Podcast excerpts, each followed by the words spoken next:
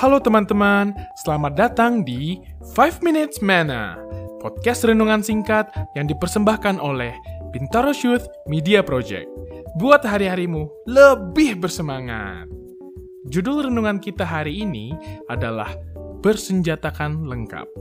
Ayat intinya terdapat di dalam 1 Petrus 1 ayat 25. Tetapi firman Tuhan tetap untuk selama-lamanya. Inilah firman yang disampaikan Injil kepada kamu.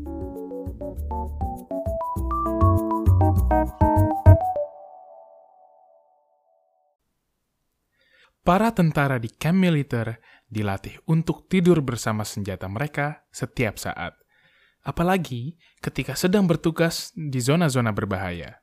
Tentu kita mengerti alasannya, yaitu kematian bisa datang kapan saja kematian akan lebih cepat menghampiri tentara yang tidak siap ketika disergap oleh musuh mereka yang tentu saja tidak akan memberitahu mereka kapan akan menyerang. Sebagai umat Kristen, kita juga berada dalam medan pertempuran. Akan tetapi, perjuangan kita bukanlah melawan darah dan daging, tetapi melawan pemerintah-pemerintah, melawan penguasa-penguasa, melawan penghulu-penghulu dunia yang gelap ini, melawan roh-roh jahat di udara, sebagaimana tertulis dalam Efesus 6 ayat 12. Sungguh berat sebenarnya perjuangan kita. Akan tetapi, dalam Daniel 12 ayat 1, Tuhan berkata bahwa kita mempunyai panglima perang yang sangat kuat, yaitu Mikael, yang juga merupakan Yesus sendiri, pemimpin besar itu, yang akan mendampingi kita semua.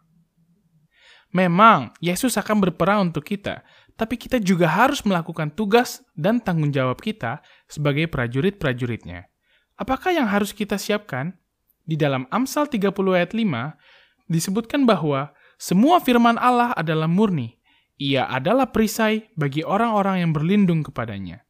Selain itu, dalam Ibrani 4 ayat 12, dikatakan, Sebab firman Allah hidup dan kuat dan lebih tajam daripada pedang bermata dua mana pun ia menusuk amat dalam sampai memisahkan jiwa dan roh.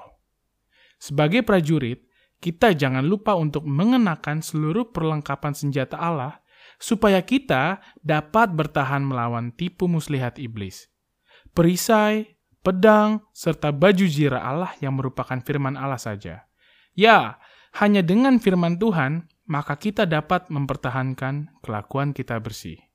Karena segala tulisan yang diilhamkan Allah itu memang bermanfaat untuk mengajar, menyatakan kesalahan, memperbaiki kelakuan, dan untuk mendidik orang dalam kebenaran.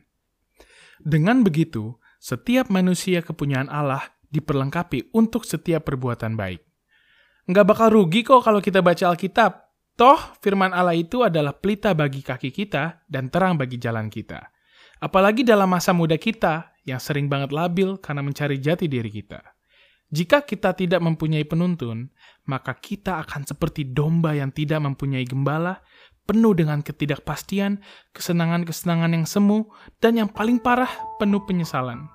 Oleh sebab itu, mari kita siapkan pedang, perisai, dan baju zirah kita, dan juga sadar dan berjaga-jaga sebab lawan kita si iblis berjalan keliling seperti singa yang mengaum-ngaum dan mencari orang yang dapat ditelannya.